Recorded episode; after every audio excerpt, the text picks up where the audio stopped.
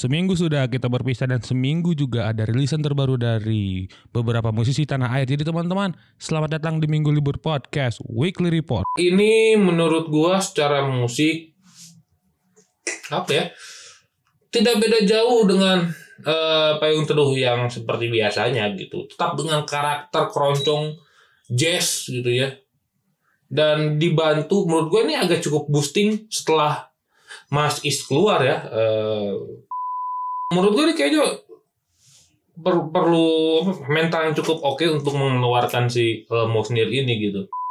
Gue setelah mendengarkan sembilan-sembilannya, gue berkesimpulan Denisa ini uh, macam apa ya? Uh, Saint Vincent sih. Gue kayak gue dengerin Saint Vincent gitu.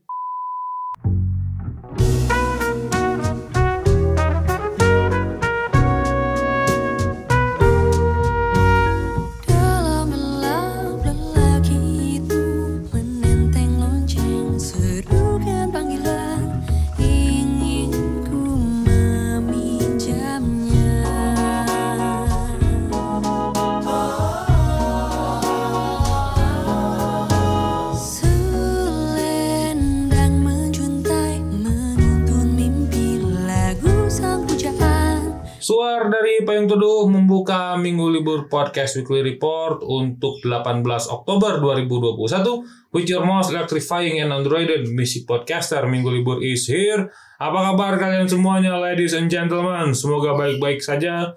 Semoga selalu sehat, juga banyak uang, dan kaya raya. Berikut juga barokah always untuk kehidupan kalian masing-masing. Amin ya rabbal alamin ya. Semoga selalu keren ya kalian semua ya dan tetap seserian alias tertawa terbahak-bahak me- apa menikmati hiburan yang kalian apa yang kalian serap untuk eh, setidaknya menjadi pelipur lara di tengah-tengah hari-hari kalian yang cukup muak begitu. Amin amin amin amin amin. Bagaimana? Sedang mendengarkan apa mis- musik seminggu ke belakang? Saya sih seperti biasa agak cukup random. Eh gue ngedengerin ini ya eh, ombak banyu gitu ya. Ombak banyu asmaranya panturas. The best sekali eh mungkin itu akan masuk kaleidoskop akhir tahun juga- gitu ya. Eh tapi ngomong-ngomong soal The Panturas gitu ya eh dan Jatinangor ya lebih tepatnya eh, The Jatinangor akan hadir kembali di season kedua. Akan akan digulir akan dimulai eh, pertengahan November sampai pertengahan Desember nanti ya. Se- semoga kita tetap apa eh, bisa sehat-sehat terus ya. Eh, biar bisa ngobrol-ngobrol dengan teman-temanku sejatinangor mania kan? Karena karena Jatinangor tuh menurut gua ini apa sebuah daerah dengan invasi musik paling oke karena ada Unpad dan juga kampus-kampus lain gitu keren sih gitu keren banget. Akan bergulir lah pokoknya. Nah eh terus juga apa ya gue dengerin itu balik lagi ke si apa balik lagi ke, ke, ke musik yang gue dengarkan minggu ke belakang gue denger depan turas eh si ombak banyu. Terus gue dengerin lagi eh hip hop Indonesia 90-an eh, pesta rap Sweet Martabak eh, Black Kumu eh dengan Black Kumu Sweet Martabak tuh Peace Squad ya pesta rapnya ada eh, Boys Got No Brains Uh, saya sudah Sweet Martabak juga masuk ini ya, masuk pesta rap hitungannya. Terus Iwake sudah pasti. Yang nggak ada tuh Neo, eh. Si Neo teh nggak ada, eh. Borju ada Borju tapi kayaknya eh, apa? eh, lemparan kayaknya tarikan dari YouTube sih kayaknya.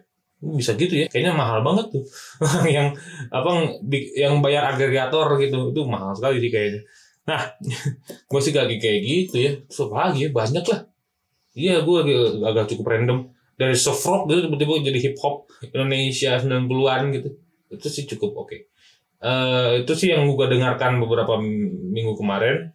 Kalau kalian apa ya? Semoga si apa sebagai pelipur lara lah kalian semua ya itu ya si musik ini gitu. Seperti biasa. Nah, ngomong-ngomong soal eh apa namanya? Eh, era yang sekarang ya yang mati kosong gitu ya informasi sangat cepat sekali dapat gue tuh sebenarnya di Twitter kebanyakan. Gue ada ada dua kasus yang yang seminggu kemarin tuh bikin gue cukup geram. Pertama adalah eh, kasus tentang artis eh, yang bikin YouTube dan YouTube-nya konten YouTube-nya gue nggak suka sama sekali. Karena terlalu mengglorify kekayaan diri sendiri di tengah orang yang tidak mampu. Eh, gue gue gue uh, sampai sampai wah ramainya tuh sampai bikin giveaway sampai segala macam ya kan? Nope gue nggak suka dengan dengan orang-orang kayak gitu. Karena menurut gue tuh mengglorify kekayaan mereka. Gitu ya kekayaan mereka di tengah-tengah kemiskinan orang lain gitu tuh ngapain sih? Gitu kan eh ya itu kasusnya Mbak Imbong dengan Mbah Suhud namanya. Mbah Suhud ini eh ke kerjanya adalah menjual jus amat. Gitu dan eh, si ceritanya tuh ya Mbak Imbong bertemu dengan Mbah Suhud eh, itu apa namanya negor Mbah Suhud eh, dia, dia ngasih bantuan ngasih bantuan tapi negor Suhud dengan cara yang cukup menjijikan menurut gua. Sangat sangat menjijikan. Eh dan rasanya aduh anjing. Gue kok jadi anaknya Mbak Suhud tuh sakit hati gitu? Sakit hati ya asli bapak gue digituin mah. Di, kalau mau gue dicari anjing. Lu mau sekaya apa gue cari gitu. Kayak gitu mah.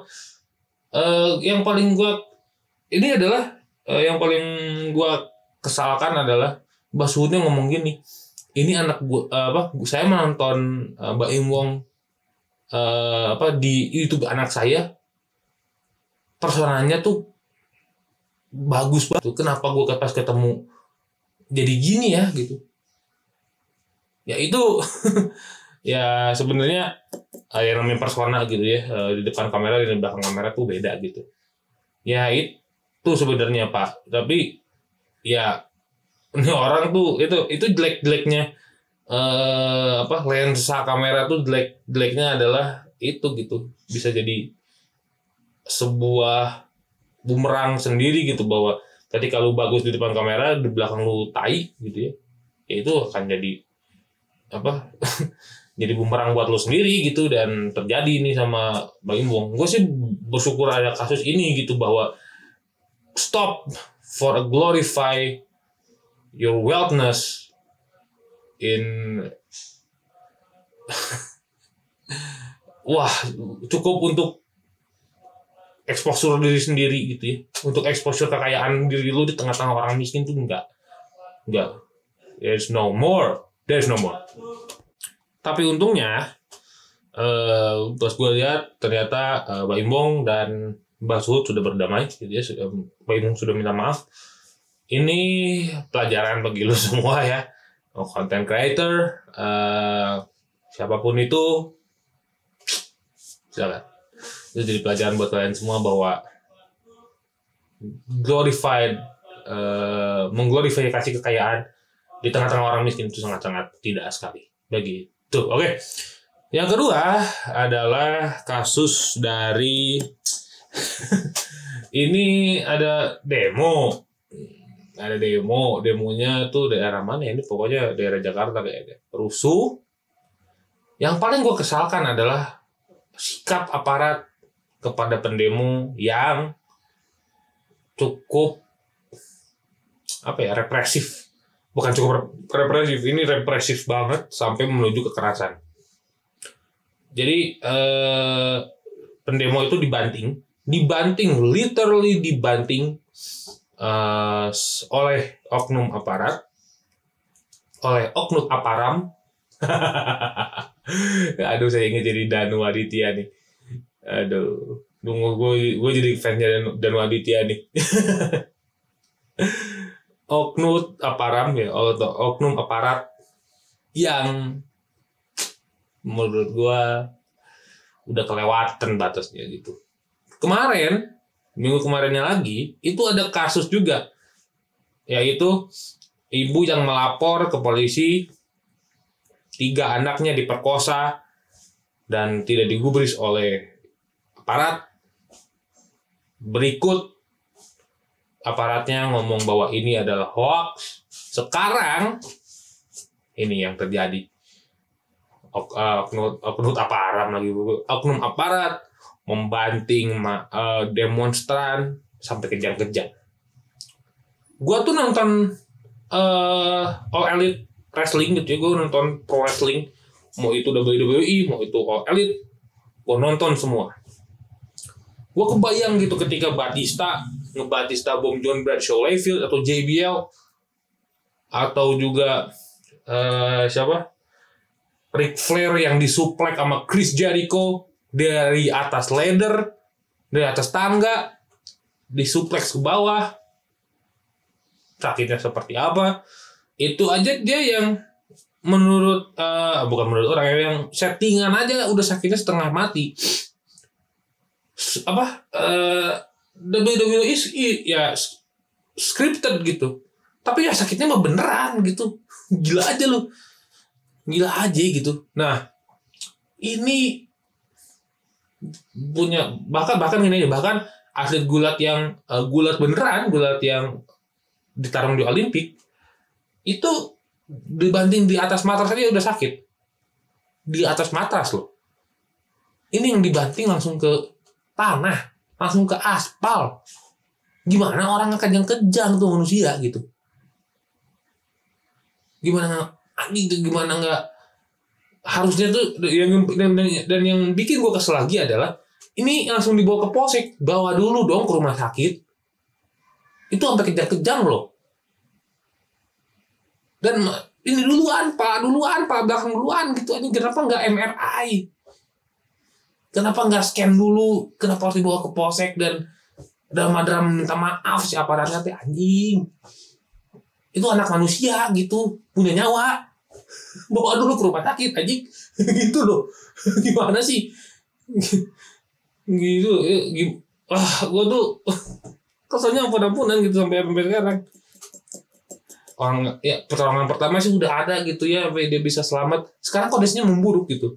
Ini gua ngetek Jumat dan gue baca kondisinya memburuk dibawa langsung ke RSC Putra. Kalau lu nggak apa lu eh, cari aja si eh, apa beritanya masih ada memburuk kondisinya. Karena apa? Karena penanganannya langsung ke polsek nggak langsung ke rumah sakit. Rumah sakit dulu lah. Gila lu itu dibanting men. Itu kalau dibanting ke situ itu antara dua. Antara tulang ekor lu antara tulang, tulang ekornya yang kebanting itu keganggu dan mengganggu syaraf atau geger otak. Selesai kedua itu. Itu loh.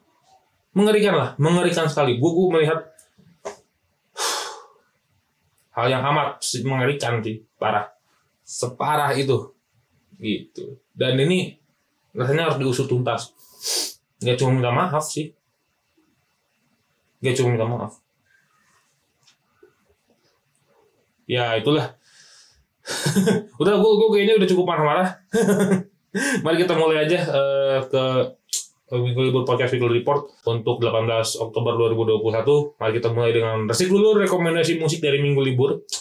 Eh edisi ke-63 ya, 63 ya. Oke, kita mulai dari ini solois, eh bukan solois, produser yang berkedok sebagai solois bernama Jusan yang merilis single terbarunya berjudul Ahead. Nah, Ahead ini dirilis tanggal berapa ya? Kayaknya baru-baru lah pokoknya. Pokoknya antara September dan Oktober. Eh, dirilis di bawah naungan label rekaman Sky Sailing Avenue Records. Eh, dan premis yang dibawa sama Jusan ini cukup kerap terjadi di apa kehidupan kita ya, Eh, yaitu lingkungan yang toksik. Sudah pasti yang yang harusnya kita tuh harus tertawa aja gitu ke ketawa aja lah kita tuh yang hahaha gitu doang anjing. Kita ketawain aja gitu. Ada orang yang nggak suka lihat kita apa nggak suka lihat kita sukses tuh udah ketawain aja gitu. Karena ya yang kalau ngomong doang mereka nggak akan sukses juga gitu. Pasti ada aja orang benci mah ada aja. Dan kita cukup ketawa aja lah gitu. Nah terus kalau ngomongin soal musik sebelumnya gue pernah membahas di Jusan juga Eh, singlenya judulnya Truth Serum. Itu sama uh, Sarah Fagira. Eh, terus menurut gua apa ya karena itu Amerika banget ya. Yang ini punya suasana berbeda yaitu eh, Japan rock eh, Jap- eh, Japanese rock gitu ya. Wah, gua tuh sebenarnya agak awam tuh Japanese rock karena gua kan mendengarkan 80s city pop Jepang gitu ya. Eh, dan kalau yang rock kayak gitu rock Jepang itu gue cuma dua. Oh, bukan warna rock Lark and Seal dan Asian Kung Fu Generation. Nah cuma dua itu yang gue dengerin gitu. Sama Orange Range lah bertiga lah sama itu sama Orange Range. Gue tuh cuma mendengarkan tiga tiga ini gitu ketika Japanese rock gitu.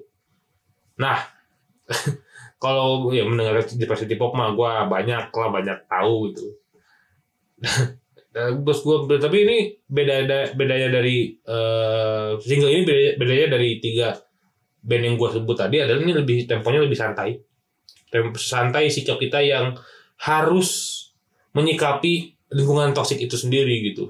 Nyantai gitu tidak nggak kenceng-kenceng distorsinya juga nggak ada bah- bahkan gitu ya atau sedikit cenderung tidak ada. Itu sesantai itu gitu bahwa ah lingkungan to- toksik mah udahlah kita bawa santai aja gitu. Jangan dibawa pusing gitu. Mending yang dibawa pusing mah kerjaan. Itu dibawa pusing gitu kan. Jelas gitu karena apa ya sangkut pautnya dengan kehidupan eh, kita sendiri gitu. Yang lingkungan toksik mah ah, anjing gitu.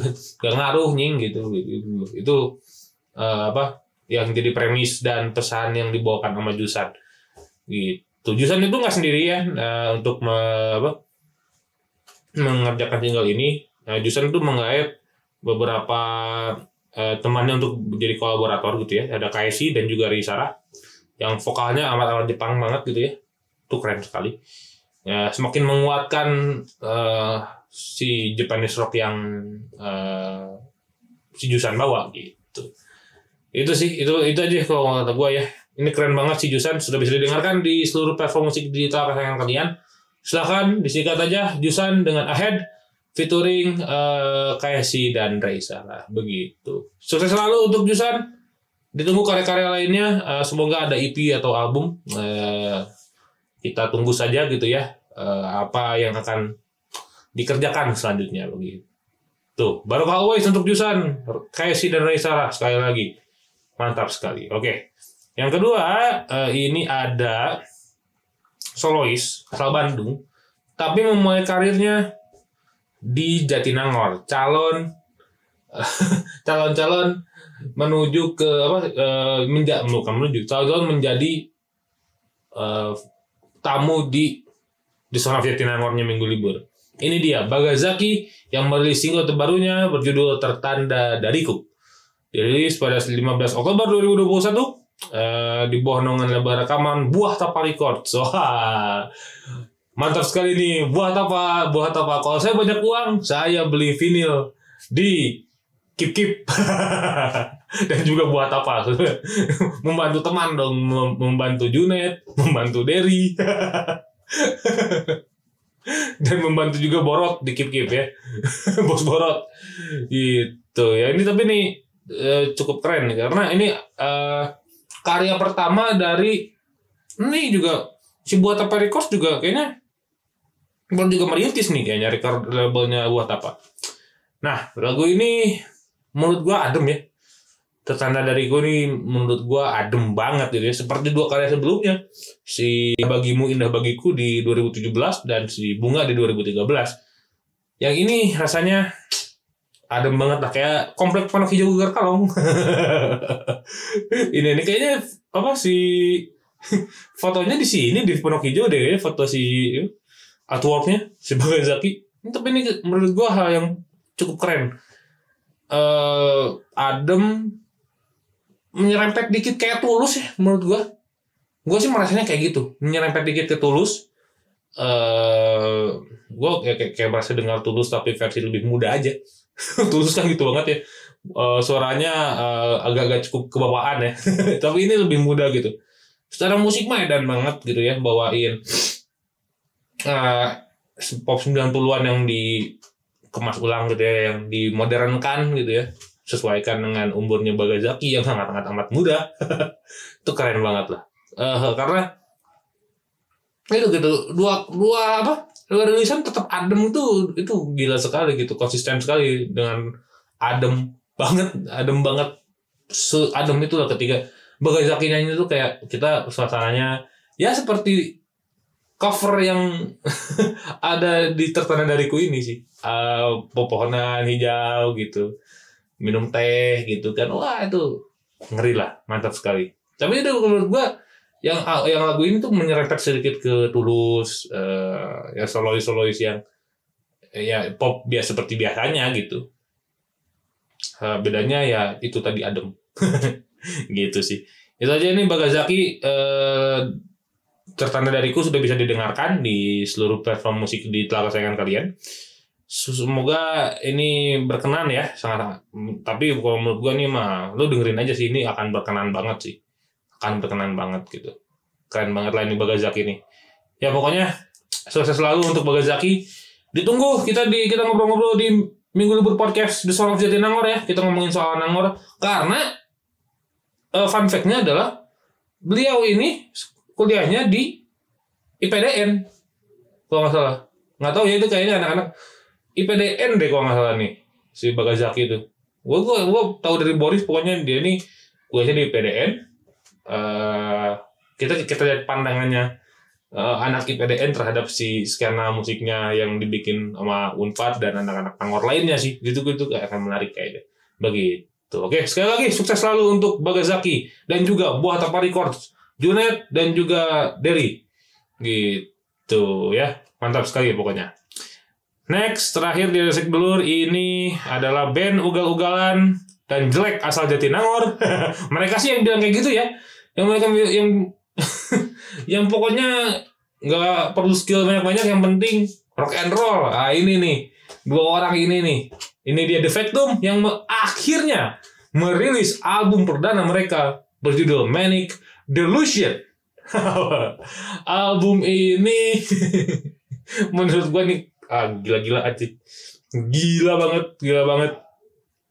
Eh favorit gue udah pasti eh, si Manic Pixies Dream Girl ya. Eh, itu juga eh, apa keren banget itu keren sekali gitu. Ya, ngomongin soal yang menurut gue tuh anjing edan banget tuh dia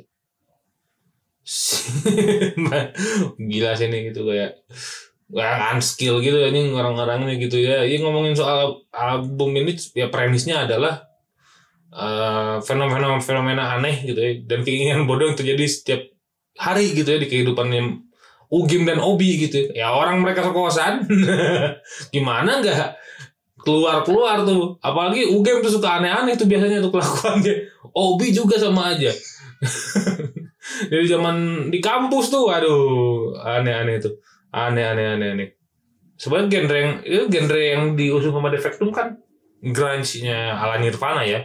Kenapa? Karena mereka bisanya ngejar grunge yang itu gitu coba kalau yang skillnya Obi dan Ugem agak mumpuni ya itu eh apa si Defectum akan bawa bawa grunge yang macam Alice in Chains atau Soundgarden gitu. Oh enggak deh, Soundgarden udah punya Ali lah. udah punya lain. Itu Soundgarden ya, Soundgarden. Dan skillnya mumpuni gitu si eh Bismo gitu. Si Bimo Suntoro Su- apa? Apa gitarisnya lain tuh. Atau mungkin yang skill skillnya agak mumpuni nih Ugem dan Obi nggak akan bawain grunge akan bawain progressive rock gitu ini macam King Crimson atau fusion jazz macam Herbie Hancock dan Weather Report gitu. Joko Pastorius gitu mungkin yang notnya banyak bayarnya sedikit. Karena pasti dibagi-bagi kepada personil lain. Mungkin mereka akan seperti itu gitu. Tapi ini cukup keren gitu. Cukup keren bahwa ini kayaknya juga kerinduannya Obi terhadap lain sih kayaknya gitu bahwa anjing ada grunge nih lain berhenti nih gitu. Dan sementara gue drummer harus melanjutkan tambuk grunge ini gitu kayaknya. Dan gue juga cukup eh, rindu dengan apa kehadiran grunge gitu kayak mungkin kayak gitu ya. Dan tapi sekali lagi nih mah keren sih. Keren banget gitu. Gue udah tiga kali apa ngebahas The Factum gitu ya anjing keren sih. Keren sih anjing album ini tuh gitu bahwa ya ini cerita-cerita aneh yang fenomena-fenomena unik yang terjadi tuh dibikin di satu lagu gitu jadi manic delusions gitu delusi-delusi yang yang udah lah gitu. Kayak keinginan bodoh. Gue gue pengen pengen apa ya pengen mati gitu. Itu keinginan bodoh tuh mungkin. Gila nih, ini berdua ini nih The Factum kayaknya juga akan masuk ke daftar calon-calon menuju the, apa bersama Vietnam ya tapi agak nanti dulu deh. Nanti dulu deh gue mending tahan dulu aja si apa si The Factum gitu. Ditahan dulu sampai mungkin ketika udah naik gitu ya. Ah ini dia nih gitu. Gitu aja. Eh, pokoknya ini album dari The Factum Manic Delusion sudah bisa didengarkan di apa platform musik kesayangan kalian semuanya silahkan disikat aja. Ogem dan Obi sing saruk saya sadayana sing sarehat. Eh geus kalem hirup mah nyantai weh. Pokoknya sukses selalu untuk kalian semua. Aing pengen nonton live-nya ih. Asli eh, kayaknya Factum eh, kacrut sih ya ini live-nya. Pasti dua orang itu kerjaannya ketawa aja ini. Kalau nggak karena guyon aja kalau nggak gitu ya karena pada dasarnya mereka lucu-lucu. Gitu aja. Itu aja sekali lagi eh, sukses selalu untuk Defectum ya dengan Manic Delusion-nya oke itu aja dari Resik Dulur kita lanjut ke Minggu Libur Podcast Weekly Report untuk eh, 18 Oktober 2021 which are most electrifying and underrated music podcaster Minggu Libur is here. Kita mulai dengan eh, ini. Menurut gua bukan apa veteran bukan. Ya itu veteran di dunia eh, musik folk ya karena ini keren cukup keren. Eh, ini dia payung teduh eh, yang merilis single terbaru mereka berjudul Suar. Suar ini menurut gua secara musik apa ya tidak beda jauh dengan eh, payung teduh yang seperti biasanya gitu. Tetap dengan karakter keroncong jazz gitu ya. Dan dibantu menurut gue ini agak cukup boosting setelah Mas Is keluar ya eh, cukup boosting dengan vokalis cewek. Namanya Mars Marsha Marsha Ditya namanya kayak. Dan itu katanya adalah si apa si manajernya Payung Teduh dulu. Dan vokalnya bagus banget sih. Kayaknya dia eh kok eh, yang diam keroncong tuh oh Citra namanya. Kayaknya ini yang di apa lagu duka tuh nah kayaknya Mbak ini nih kayaknya nih eh, Mbak Marsha ini tapi ini jadi keren gitu bahwa ketika apa eh, lebih menurut gua sih lebih adem ya. Walaupun secara ikonik gitu ya eh, vokalnya itu lebih punya karakter jadi icon gitu pada akhirnya si, vokal, si vokalnya itu. Bahkan isinya sendiri gitu. Tapi ketika jadi cewek rasanya kalau menurut gue lebih adem aja. Lebih adem lebih tenang lebih menunjuk menun- yang dimunculkan si musiknya gitu. Itu bukannya si vokalnya jelek tapi eh vokalnya kurang bagus tapi itu agak apa melengkapi pada akhirnya gitu bahwa musiknya bagus vokalnya eh, apa namanya tidak terlalu eh, menonjol tapi jadi selaras aja gitu. Si musiknya jadi enak aja. Keren nih suara nih pokoknya nih dari Payung Teduh sudah bisa didengarkan pokoknya tidak pokoknya kalau kalian yang kangen dengan Payung Teduh keroncong dan jazz gitu ya ini nih suaranya Payung Teduh bisa jadi obat untuk eh, penawar rindu kalian semuanya. Oh mantap sekali ya. Pokoknya itu aja. Eh sukses selalu untuk Payung Teduh. Ditunggu rilisan lainnya. Pokoknya sukses selalu untuk Payung Teduh. Oke gitu aja ya. Nah, rilisan kedua, nah kalau ini juga sama, eh, apa? Veteran folk juga. Eh, ini tuh eh, kalau gue bisa bilang juga ini kayaknya lebih tua daripada Payung Teduh ya. lebih, apa umurnya lebih tua daripada daripada Payung Teduh. Tapi ini eh, cukup ikonik dengan eh, tiga hari untuk selamanya dan juga sementara Eh, terus satu lagu judul berjudul eh, satu lagu berjudul pulang. Ini dia Float merilis single terbaru mereka berjudul Almost Near. Almost Near ini sebenarnya sudah diciptakan sama eh, Meng selaku vokalis dan gitaris pada 3 Desember 94.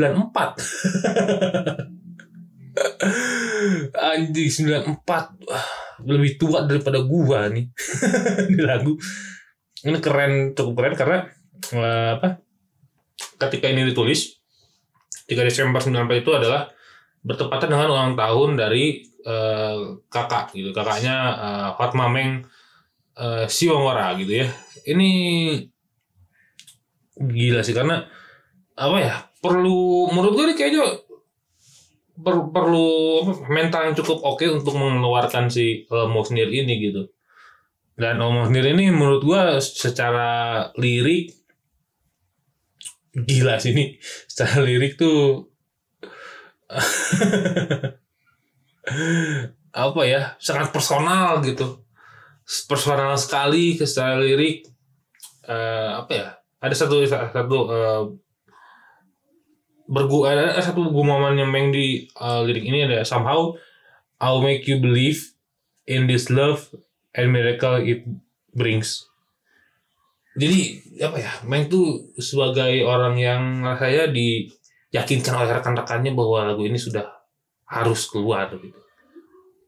Gila sih, gila banget gitu. Dan eh, apa bukan tapi eh, bukan sebuah paksaan dari teman-temannya ya gitu ya. Tapi ya karena menurut menurutnya menurut eh, personil lain kayaknya ini emang harus rilis gitu. Emang sudah waktu nak guys waktunya eh, rilis gitu. Eh, dan jodohnya baru sekarang gitu setelah mungkin sekitar 27 tahun hampir 27 tahun. Gila sih nih almost near lagu yang amat personal. Kayak mungkin untuk eh, Hotma si Roni Simamora ya atau Meng sangat personal dan kayaknya baru menurut gue perlu mental yang cukup oke dan diyakin dan keyakinan cukup oke untuk mengeluarkan single ini. Gila. Lah mantap lah pokoknya nih. Almost Near. Secara musik juga menenangkan seperti biasanya flute gitu ya eh musiknya juga wah gila-gilaan sih ini. Mantap lah pokoknya nih. Ini sudah bisa didengarkan Almost Near eh, dari flute sudah dari tanggal 10 kemarin ya. Sudah bisa didengarkan sama kalian di digital streaming platform eh, kesayangan kalian semuanya. Eh, cocok didengarkan ketika ya mungkin pagi-pagi di villa ya. Di daerah-daerah gunung gitu Near tuh mantap sekali kalau didengarkan. Pas gitu rasanya tuh. Aduh. Daripada kita men- mendengarkan mentari pagi indah berseri. Ya, itu mau lu mau touring sama prediksi mungkin lu kayak gitu lah tapi ini lebih menenangkan jiwa. Kalau itu itu kan lebih yang lucu-lucuan aja ini lebih menenangkan jiwa sih begitu. Almost near dari float. Sekali lagi didengarkan ya di seluruh digital streaming platform kesayangan kalian. Untuk float eh, sukses selalu sehat-sehat selalu semuanya. Kalau misalnya sudah eh, berjodoh kita untuk bertemu di sebagai apa performer dan penonton di konser gitu ya atau di event atau di gigs segala macamnya saya akan menunggu apa menunggu sekali float untuk eh, nonton lagi gitu float. Gue terakhir nonton float tuh kapan ya? Pensi Taruna Bakti deh. Pokoknya gue tuh kelewatan eh 420 tapi gue menonton float. Gitu mantap sekali lah. Ya sekali lagi sukses selalu dan sehat selalu untuk float semuanya. Oke kita lihat dulu sejenak eh sudah dua rilisan eh, yang cukup menenangkan. Nah ini eh, satu ini cewek. Solois cewek. Tapi lagunya indie rock. Dan menurut gue cukup dark gitu. Wah ini keren lah pokoknya. Keren banget. Eh, siapakah dia? Nanti kita akan bahas. Minggu libur we'll be right back. Sambil eh, kita istirahat sebentar lu ditemenin sama almost nearnya float everybody. Sikat Now I found a clue.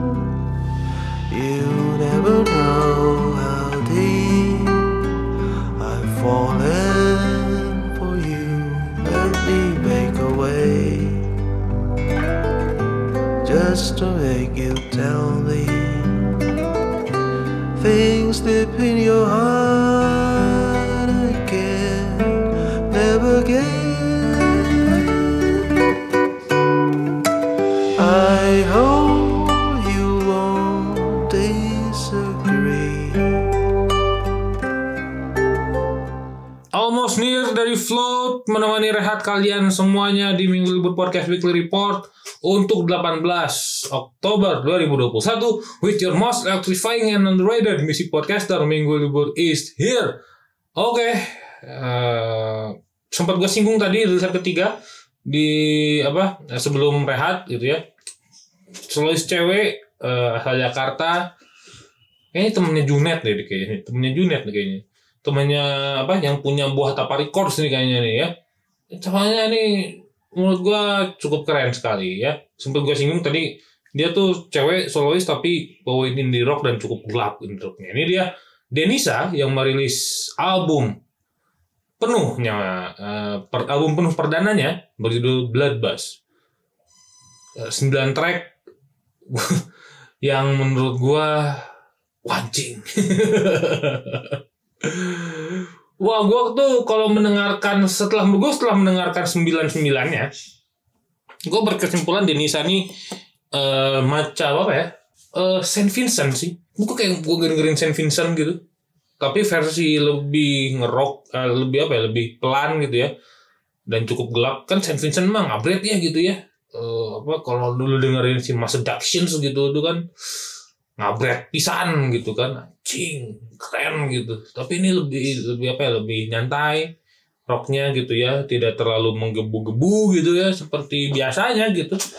Ya eh tapi tetap itu rocknya ada gitu ya. Eh, yang kencengnya ada tapi ada pengimbang apa ada apa ya, ada eh neutralizernya lah ada ada penyeimbangnya gitu. Ada yang low-nya juga ada. Bahkan ada yang groovy gitu lagunya. Ada yang groove bisa bisa dance lo gitu. Street J judulnya itu tuh eh, jadi favorit gua. Eh 9 track ini menurut gua adalah apa ya menurut gua menurut gua tuh kalau dulu dengerin yang lain apa sebelumnya gitu ya. Em, tapi bukan yang rilisan 2020 2021 ya. Karena dua single itu masuk ke album si Bloodbath gitu dan dark aja gitu ya. Lu sebelumnya deh itu ada juga karyanya si Denisa itu agak cukup berbeda gitu ya. Eh dengan apa yang terjadi di Bloodbath gitu. Bloodbath itu lebih wah lebih rusuh kayaknya. Secara lirik ya secara tema lagu juga lebih rusuh. Bahwa ini juga indie rock gitu ya dan cukup gelap gitu. Eh, cukup edan lah gitu. Tapi kalau cukup jomplang gitu si perbandingannya gitu dengan apa yang terjadi gitu. Eh edan pisan lah ini favorit gua si Street J tadi gitu ya. Street J tadi. Eh, terus juga eh anjing gue lupa judulnya. Eh you're my- you're not my savior. Nah itu. Terus eh, satu lagi sa- apa ya? Sama ini apa eh apa tuh? Gue gue lupa. Satu lagi anjing. Tar tar tar gue gue cek dulu. Gue cek dulu gue cek dulu eh you are my ya, you are not my savior. Eh, dan juga tadi itu eh, si J Street Street J so J Street yang katanya nih lagunya adalah eh apa? Mewakili fase awal dari sebuah proses penyembuhannya eh Denisa gitu dari semua rasa sakit hati mungkin ya. Itu gitu. Kayaknya gue cuma dua deh gue sumpah satu lagi. What next gitu pokoknya ada next nextnya itu tiga itu eh, yang dua tuh si J Street dan juga eh, si You Are My You Are Not My Savior. Tuh keren sih keren. Dan itu gue kayak mendengarkan Saint Vincent sih eh, versi lebih pelan gitu. Kalau Saint Vincent mah ya seperti yang tadi gue bilang ya ngabret gitu. Ya ini keren sekali gitu. Vokalnya Denisa gitu ya eh sedikit se- mirip ke Dolores O'Riordan dari Cranberries gitu ya. Sedikit mirip seperti itu. Dengan musik yang seperti itu atau jos juga sih gitu. Walaupun eh, referensinya gitu ya si eh, Denisa tuh ya itu si Lee gitu apa eh, Baby Bridge gitu. Kalau lirik-liriknya dari Bombay Bicycle Club ya gitu pokoknya. Tapi gua gua pas gini jadi tuh anjing ini kayak musiknya kayak Saint Vincent yang lebih pelan tapi vokalnya kayak Dolores O'Riordan se sedikit seperti itu gitu menurut gua kayak gitulah gitu sih De- pokoknya album Bloodbath-nya Denisa sudah bisa didengarkan di eh, kanal streaming musik kesayangan kalian semuanya. Silahkan disikat. Eh, ini karya yang cukup keren. Eh, ini cocok buat apa ya? Album ini untuk kalian yang pengen lari dari kenyataan dan apa dan pengen sembuh dari semua rasa sakit. Menurut gua sih kayak gitu. Gitu aja. Ya, ini keren nih pokoknya ya. Cocok didengarkan ketika lagi gitu aja. Begitu. Sukses selalu untuk Denisa. Eh, tapi sebentar. eh gue pengen lihat dulu sih yang ngebantu Denisa ini siapa aja ya. Oh, di album ini ada Rehanur. Terus ada Johannes Abioso. Eh terus juga ada di produksi ada Baskara Putra. ada Sindia gitu. Nah, pokoknya ini kayaknya dibantu sama seniman-seniman yang teman-teman yang baik dan seniman-seniman yang berbakat. Wah, mantap sekali pokoknya Denisa. Itu sukses selalu untuk Denisa.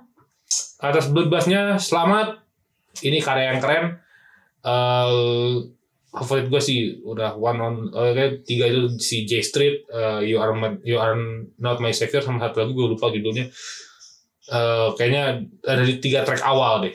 Ada tiga track awal. Itu ngeri sekali. Mantap pokoknya. Itu aja eh dari gua. Terima kasih. Sekali lagi sukses untuk Denisa.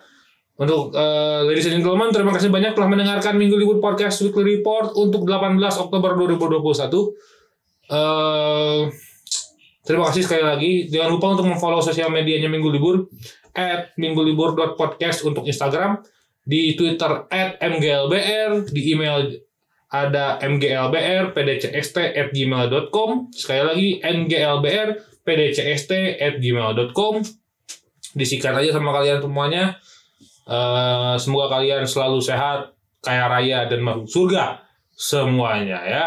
Amin. Minggu libur pamit last but not least ini dia Denisa dengan J Street untuk kalian semua. Bye bye terima kasih